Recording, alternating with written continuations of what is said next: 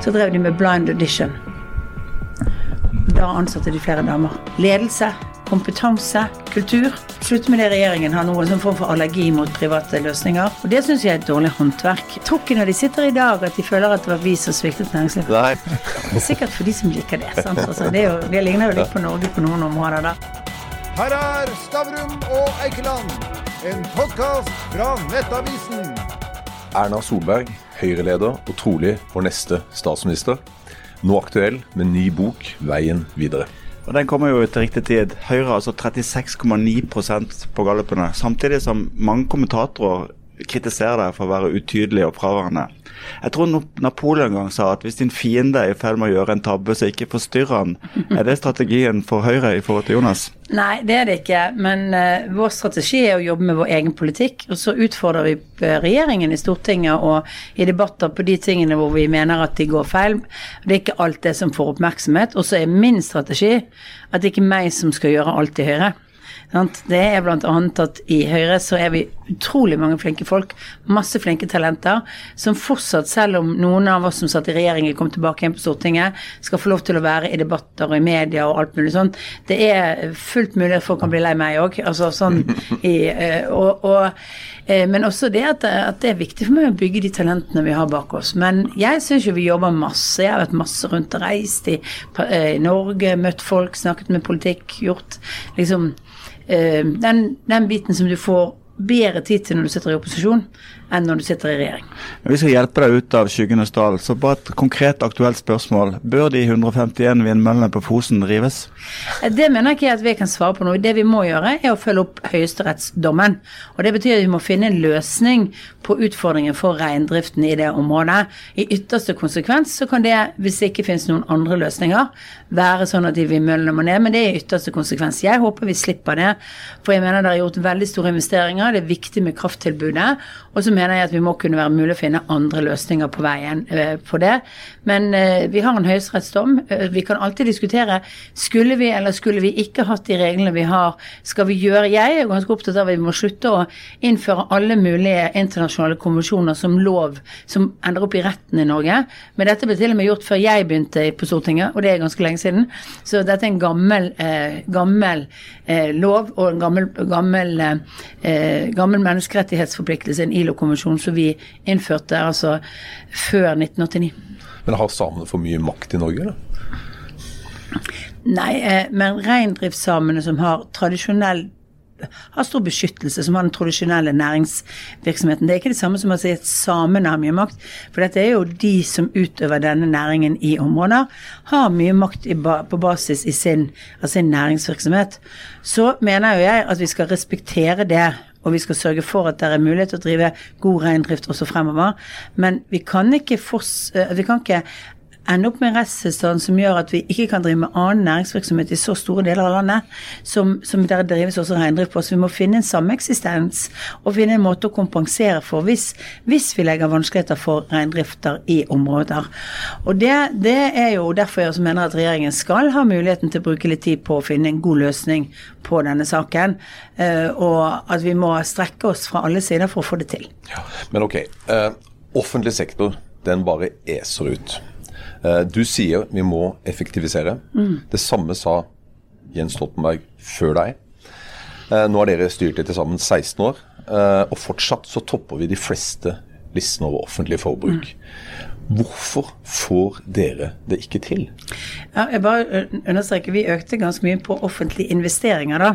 Eh, vi økte ikke noe særlig på sentraladministrasjonen i Norge, den var ganske fast. Men vi økte på områder jeg tror folk skjønner at vi øker på. Statsministerens kontor? Nei, statsministerens kontor økte det ikke på. okay. Men det økte på helsevesenet, det økte på politiet. Eh, så går det jo alltid opp, litt opp og ned på flyktningesiden, avhengig av hvor mange det kommer. Eh, men, og det var bevisste valg, det, og, vi, og vi har økt i og for seg Forsvaret, for det er også et bevisst valg vi gjør. Men så, så det som er viktig, er jo at vi sørger for at der hvor vi kan effektivisere, så gjør vi det. Og så må vi på noen områder eh, slutte med det regjeringen har noen sånn form for allergi mot private løsninger. For, for det, eh, fordi det private kan bidra til det offentlige med mer innovasjon, mer nyskapingskraft, med andre løsninger. Bidra på en annen måte til å løse behovene. Eh, og det har vi jo sett at vi trenger når vi har hatt krise. Altså vi hadde ikke klart å vaksinere nok og teste nok eller ha hjemmeleger nok uten private i Oslo-området under pandemien. Vi ser når flyktningstrømmene kommer, så må vi ty til det.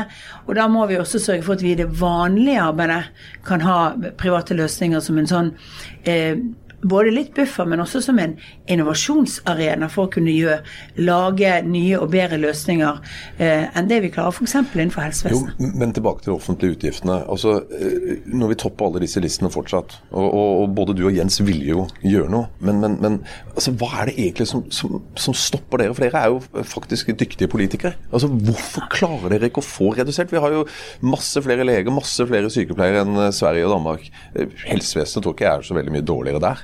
Altså, Hva er det vi gjør som ikke ja, Hvorfor får det ikke til? Nei, altså øh, Jeg tror det må litt forskjellige svar på ulike områder. Så får vi til ganske mye. Helsekøene falt med gjennomsnitt 14 dager når vi satt i regjering. I begynnelsen så økte de under pandemien, og så har de fortsatt å øke nå etter pandemien. Uh, og så har vi jo noen helseforhold som blir hvor, hvor vi får økte sykdomstilfeller, f.eks. på psykisk helse. Men vi har rom for å bruke digitalisering mer. Jeg er veldig opptatt av Jeg tror ikke alltid sånne store reformer med flytting av bokser og sånn. For min erfaring er litt at det der er veldig fint i teorien når du sitter utenfor og tenker du sånn og sånn bør du gjøre det. Men selve prosessen med å gjøre det skaper ofte så mye friksjoner at det skaper ineffektivitet på veien. Derfor er jeg mer tro på det som jeg sier i boken, altså at ledelse, kompetanse, kultur kjempeviktig for å få til dette. Og der er det også det at du får se alternativer f.eks. i privat sektor. I snitt har f.eks. de private sykehjemmene hatt lavere sykefravær enn det offentlige. Eh, og sykefraværet i offentlig helsesektor er veldig høyt, særlig i omsorgssektoren. At bare, hvis vi bare henter inn litt av det, så kunne vi altså gitt bedre tilbud til ganske mange. Så det, det er litt sånn alle de små stegene som må gjøres på en gang. Og jeg tror dette tvinger seg mer og mer frem. For det som er hovedbiten i min bok som jeg har lansert, det er jo at, eh, det er jo at mangelen på arbeidskraft kommer til å være kanskje den dominerende utfordringen i Norge fremover. Arbeidskraft med riktig kompetanse er et problem allerede i dag. Det kommer til å bli enda mer fremover. Og der må vi liksom Der må vi husholdere bedre med arbeidskraften. Og så er det jo sånn at bruker du mer oljepenger, som vi har sagt, så, så blir jo veksten i offentlig sektor litt større. Hvis ikke du bruker det på f.eks. å gi folk skattelettelse. Det skal vi garantert tilbake til. Men er du litt misunnelig på den nåværende regjeringen? For du ble jo veldig kritisert for denne såkalte ostehøvelsparingen, hvor dere forlanger at, at, de skjerper seg med en halv prosent i året i forhold til prisstigningen. Men dagens regjering har jo kompensert mye mindre i forhold til inflasjonen, så de har brukt uh, nærmest en osteøks ja, eh, jeg mener jo at det er veldig feil å kalle det et ostehøvel, for dette er et modernisering. Så lenge du sier at dette skal vi gjøre hvert år fremover, så forandrer kulturen seg. Da vet man at man må spare. Og dette er et tiltak, og det skriver jeg ganske utførlig om. Veldig mange andre land bruker dette som et moderniseringstiltak. Det, det som er et ostehøvelkutt, er hvis du plutselig kommer med kutt uten at du har sagt det på forhånd, og bare gjør det én eller annethvert år, og det er ikke forutsigbart. Men eh, jeg er jo enig i at regjeringen har fått lite kjeft. Det er jo kanskje fordi de har satt ut en pressemelding. Jeg skjønner jo styrene i helseforetakene for øyeblikket. De syns jo det er litt vanskelig å styre på en pressemelding og, som de egentlig ikke vet hva det betyr. For de vet ikke hva anslagene på prisstigningen kommer til å være. Og det fattes nok en del beslutninger nå basert på både kanskje at man at man legger litt mer av aktivitet ned fordi man er litt redd for at ikke de blir så mye som prisstigningen faktisk eh, kan bli, og at man derfor Egentlig har jeg sagt at jeg syns de burde ha levert en tilleggsproposisjon og ryddet opp i dette, for det er ganske umulig å styre offentlig sektor etter denne måten de gjør det. Du har jo vært ganske diplomatisk lenge i forhold til å kommentere den sittende statsministeren. Men bare, før vi går videre og snakker med boka di, så har jeg lyst til å høre litt på hva syns du om plutselige skatteendringer? Innføre grunnrenteskatt med tilbakevirkende kraft som vi ennå ikke kjenner reglene for, i mars.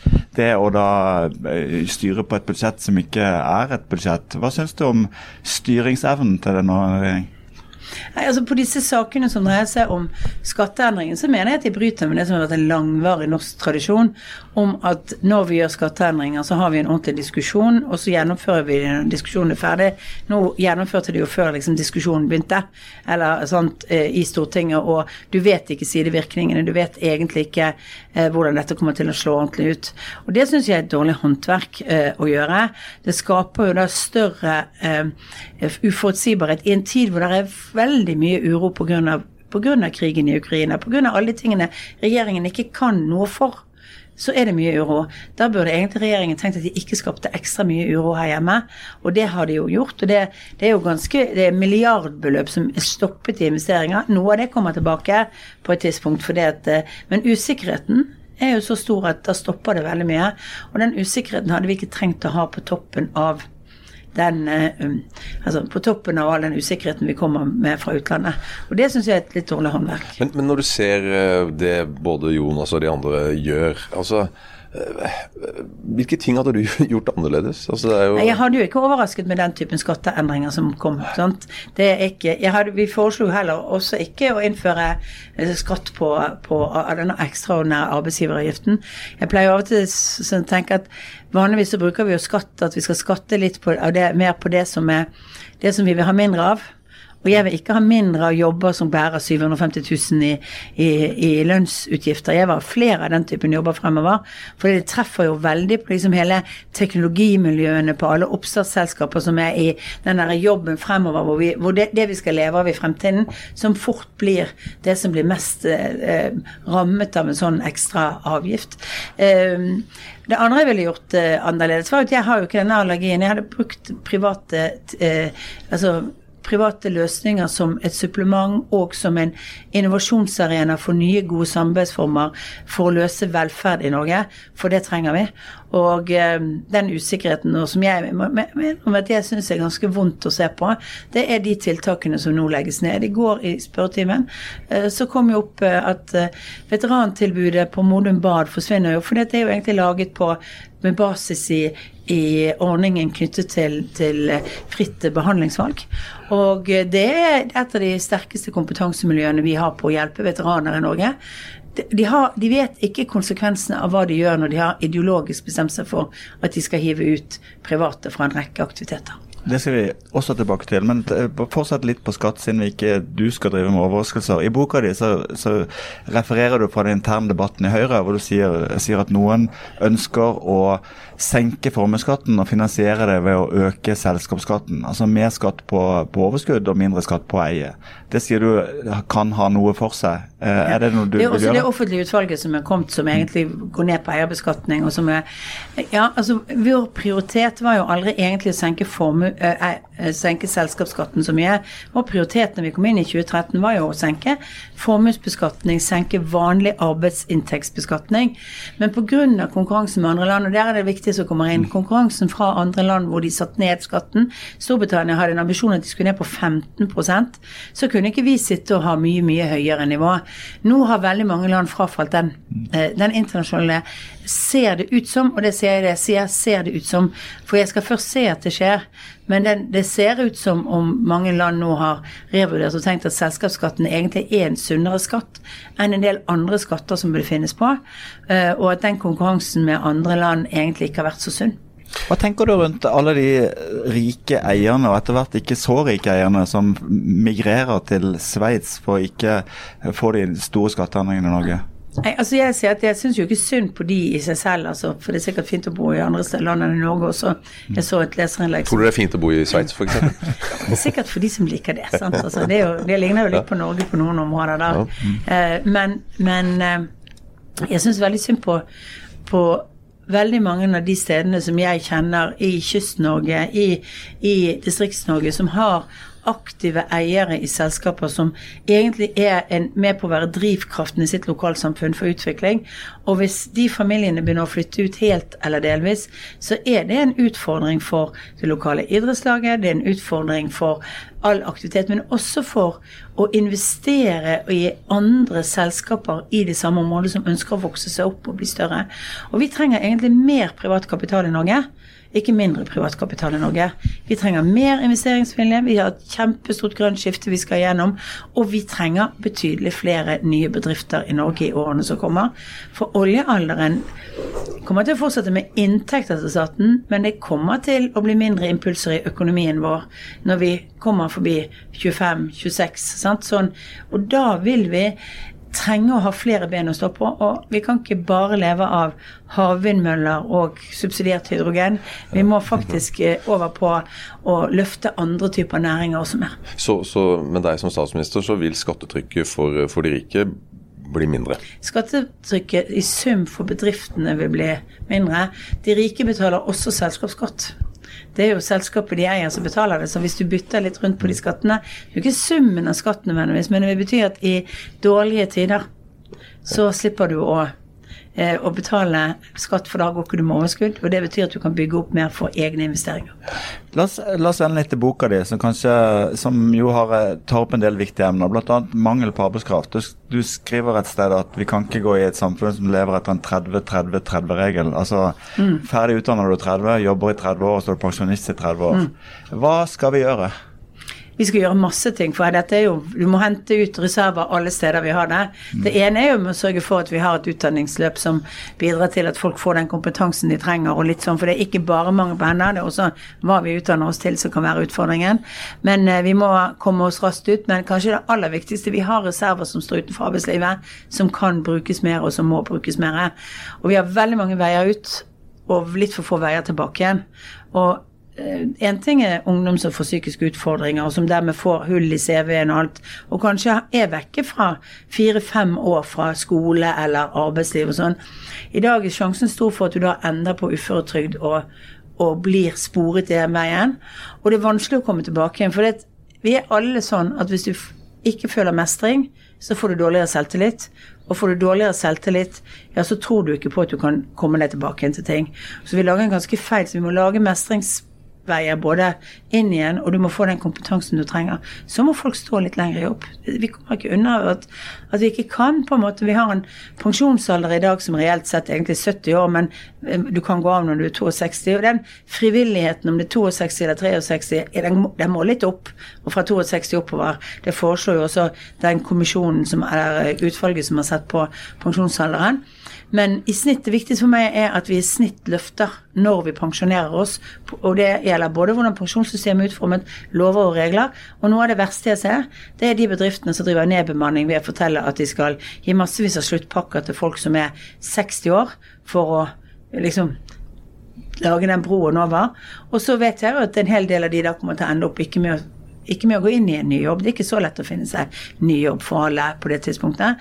Og summen av det blir jo at vi får for Altså at vi har for få folk og for få hender i Norge. Men, og mange av de er jo finansiert av staten, eh, ja. med AFP-ordningen. Ja, da, Overlever den med deg som statsminister? Altså, da jeg kommer til å stå for akkurat det samme som vi sto når vi satt i regjering. Vi hadde et nivå på AFP på, på hvor mye vi betalte, at vi ikke skal øke det. Det det, og, må, og, og, at det er det som er bidraget fra statens side. I utgangspunktet var vi jo mot, men den, dette ble på en måte en del av pakken rundt det, den eh, pensjonsreformen vi laget og som ble gjennomført fra 2011, det har ikke jeg tenkt å rokke med. Men jeg har ikke tenkt å, rokke, å gi mer penger inn i AFP-ordningen. Foregår det skjult rasisme i arbeidsmarkedet i Norge i dag? Ja, det gjør det. Og det, eh, og det er summen altså Rasisme og rasisme. Det er summen av fordommer. Rasisme i gåsehudene. Ja, ja, for dette er jeg opptatt av. Sånn, det er ikke folk som sitter med bevisst sånn og tenker denne personen kommer, sant, er brun i huden eller kommer med et annet Det han vil jeg ikke ha.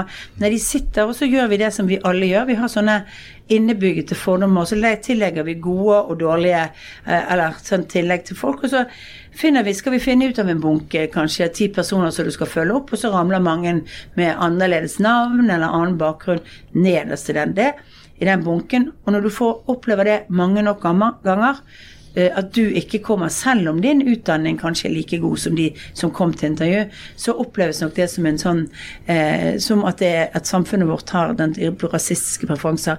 Jeg får lov å ta det på sånn kvinneperspektivet, på, på litt, litt samme eh, Berliner eh, symfoniorkester hadde en test for mange år siden fordi de ble anklaget for at de ansatte for mange menn.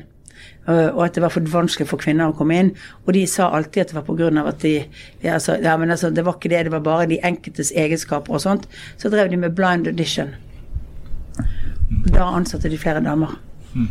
Så de tilla altså en mann som spilte fiolin, at han spilte finere fordi han var mann, uten at de selv var bevisste. Og sånn er vi. Og derfor er det så viktig at vi er bevisst i holdningene. For det jeg pleier å si, vi har de alle.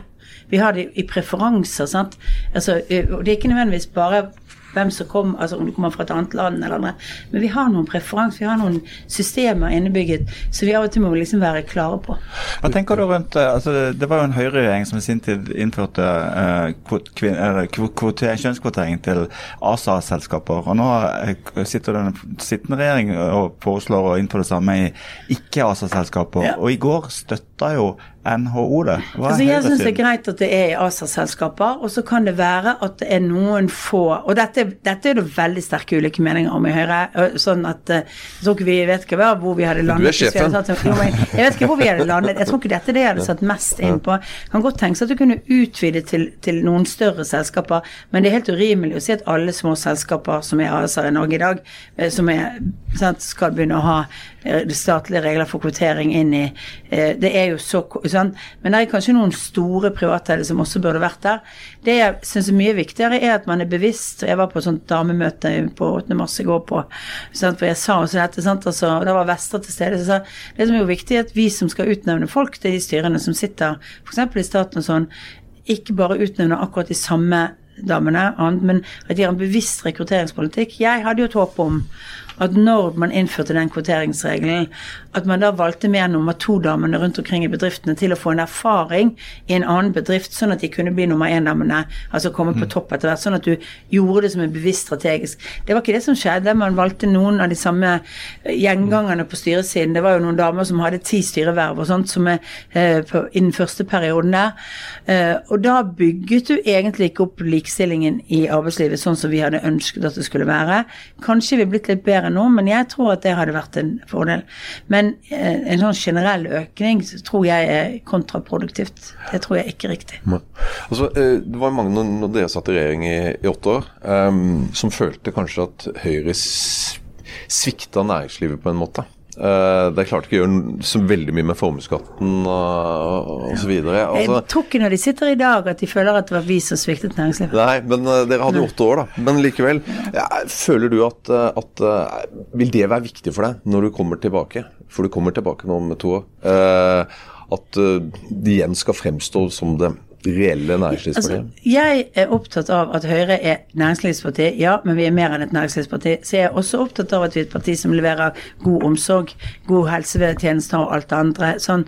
Men det jeg vet, er jo for grunnlaget for oss, er at du får ikke de inntektene som jeg trenger til en god eldreomsorg eller til et godt helsevesen, uten at du har en god næringspolitikk.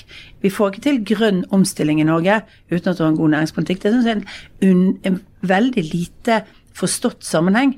At det å ha en god klimapolitikk i dag betyr faktisk at du må ha en god næringspolitikk. For det er alle selskapene i Norge som skal bidra til de store investeringene i det grønne skiftet. Og da må du sørge for at de står igjen med penger og annet. Så for meg, når jeg sier det litt sånn kronglete for det, så er det fordi for meg er det viktig at bedrifter i dag får beholde mer av sitt eget overskudd og av inntektene sine i bedriften, det ikke må tas ut for å betale skatt, fordi den bedriften trenger å investere i omstilling både til det grønne skiftet og til nye produkter. Og det er viktigere nå enn det kanskje var for 20 år siden, fordi vi står i den voldsomme omstillingen vi har akkurat nå. Ja. Og, det grønne skiftet, da trenger man altså Bare i Norge alene så trenger du hundretalls milliarder kroner i investering. Eh, Staten kan ikke stille opp på alt det. Du trenger privat kapital, og da trenger du utenlandskapital. Og det som nå som har skjedd med innføringen, eller grunnrenteskatten nå som skal vedtas, det har gjort at, at du har skremt vekk veldig mye av den utenlandske kapitalen. For de trenger forutsigbarhet osv. De, de tenker ok, nå, Det var en som sa at eh, nå, nå, nå har han oss på lista med Romania. Altså, Ja. Så ille er det. Altså, Hvordan har du tenkt oss å klare å gjenvinne den tilliten?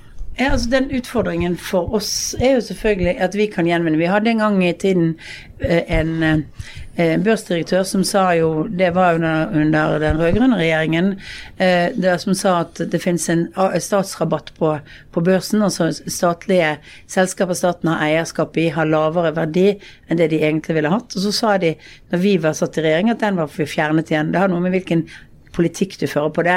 Men det tar lang tid å få til den troverdigheten. sant? Mm. Jeg mener jo derfor at det er viktig med forutsigbarhet, at man vet hva man går inn på. Og så er det viktig å si at det er jo særlig vindkraften som har medført denne politisk, for den grunnrenteskatten på vindkraft, hvor det er en del utenlandske eiere som har gått inn, og, og særlig store pensjonsfond. Og store pensjonsfond er opptatt av trygghet for investeringene sine. Og så er de opptatt av eh, at, de, at det er en sånn jevn avkastning, sant? for de skal betale ut penger til, til, til pensjonistene. Sant? Så det at tyske eller franske pensjonister skal, eh, lærere og industriarbeidere skal få pensjonen sin, krever at vi også sørger for at vi behandler selskaper de har investert i på en ordentlig måte. Og den der forståelsen og psykologien altså Alle tror at utenlandske eiere det er en gjeng med sånne børshaier. Sånn, det er Exit-gutter. sant? Altså, så NRK brukte det som eksempel. Det er jo ikke det. Det er store pensjonsfond som skal betale ut pensjon. Tenk hvis vi hadde tenkt at våre pensjonsfond skulle finne seg i helt vilkårlig politikk som gjorde at plutselig kunne de ikke betalt ut pensjon. Da blir man redd. Men du, den forrige boka di, den, der eh, var jo på en måte det politiske signalet at eh, Høyre skulle tenke mindre på penger og mer med hjertet. Det på en måte var en del av en konservativ eh, trend kan man si, i Europa. Din nye bok heter 'Veien videre'. Hva er det, hva er det ideologiske nye for Høyre eh, i de årene vi går inn i nå? Jeg tror jo det går inn i det som egentlig var også et stikkord under forboken, nemlig muligheter for alle. Altså Vi er helt avhengig som samfunn av å bruke alle mennesker som er i samfunnet, at vi må tenke på det. Hvordan vi å være litt Altså Vi er jo mer pragmatiske i Høyre enn mange andre partier, vi det er litt avhengig av hvor du står, liksom, altså hvor er samfunnet i dag. Det er der, derfra du utvikler politikken, ikke veldig fastlåste eh, formeninger. Og jeg tror ja, men det som er viktig å si at Norge har en særlig omstilling. Alle de europeiske landene går inn i en eldrende befolkning, men vi har et mye mer spesialisert arbeidsliv. Vi krever mer kompetanse i alle jobbene vi har. Vi har flere som eh, er permanent utenfor arbeidslivet på en eller annen form for trygdeordning. Andre land har flere som er arbeidsledige. Vi har nok pluttet noen av de lenger ute. De altså, men da er det litt lettere hvis du er arbeidsledig å bli kommet inn igjen i arbeidslivet, enn hvis du er plassert utenfor i en, en eller annen trygdeordning eller en eller annen hjelpeordning. Så vi har noen egne utfordringer i dette. Så det er jo litt den der Vi må, vi må ta tak i alle disse små tingene som bidrar, som, som i sum løser de store utfordringene våre. Flere hender, f.eks. Og da, da gir det oss et annet stikkord som du vi var innom så vidt. Det går på private løsninger. Du, du tar jo opp eh, ordbruken til venstresiden. Ja. Type asylbaroner og velferdsprofitører. Eh, hva, er så, er så galt med de stemplene? Eh, Det er Altså, jeg må si at jeg har møtt folk som er kritiske til hva jeg gjør og regjering for næringslivet, og hva enda mer kritisk til hva dagen gjør, dagens regjering gjør for næringslivet. Men det de er mest fornærmet over, eller mest, det er å oppleve å bli liksom skurker i venstresidens historie. Altså det er de som, de som på en måte tjener penger på noe. Det, det, det, det tegner et bilde av at man liksom utnytter penger. Hvis jeg kan ta et eksempel på, på, en, på en bedrift som jeg kjenner fordi den startet i Bergen, og fordi jeg har vært kommunalminister med ansvar for asylpolitikk, så kjenner jeg Hero eh, som selskap ganske godt. For de har vært helt nødvendig. Hver eneste gang vi har hatt en flyktningkrise, så har de hatt kapasitet og mulighet til å løfte seg opp og ansette mange flere, skape asylmottak, bidra. Og, det, og så er det alltid noen som slager at avisoppslag så mye tjente asylbaronene da.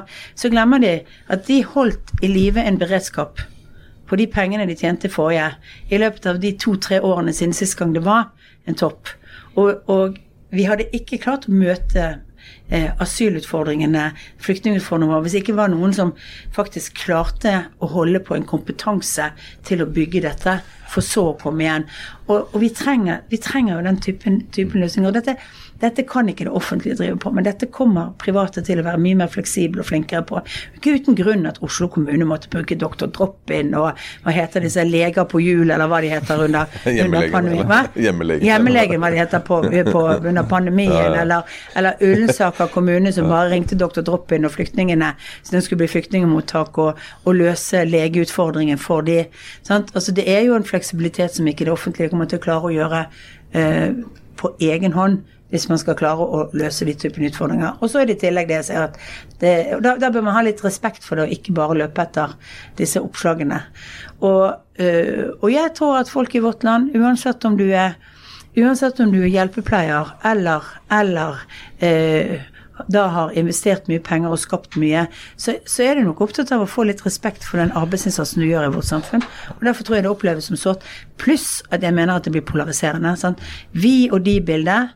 Ta de rike. Eh, da har du skapt noen skurker, noen du skal sånn, da, da, deler du og polariserer Norge. Og vi bør se rundt oss og skjønne at polarisering er farlig. Ja. Men ok, eh, vi begynner eh, å komme inn for landing her. Men eh, er du enig med Torbjørn Jagland at 36,9% er nok til å kunne styre landet alene? Jeg ville jo helst benyttet anledningen til å få et flertall som var klart at For 36,9 betyr at du altså selv med et så godt resultat, så ville du måtte Må du gjøre kompromisser i Stortinget eh, med andre partier, og da er det greit å sitte i regjering med dem. Men, men eh, Eh, det er selvfølgelig sånn at Høyre kunne klart å sitte alene i regjering med en så stor gruppe. Det mest avgjørende er jo hvor mange partier du må ha med for å skape flertall. Ja, det, det, slipper jo bare med Frp på den siden. Ja, på de meldingene her. Ja. Men jeg, jeg, er opptatt av at det kan vi ikke ta for gitt. Jeg tror det blir mye tøffere kamp fremover.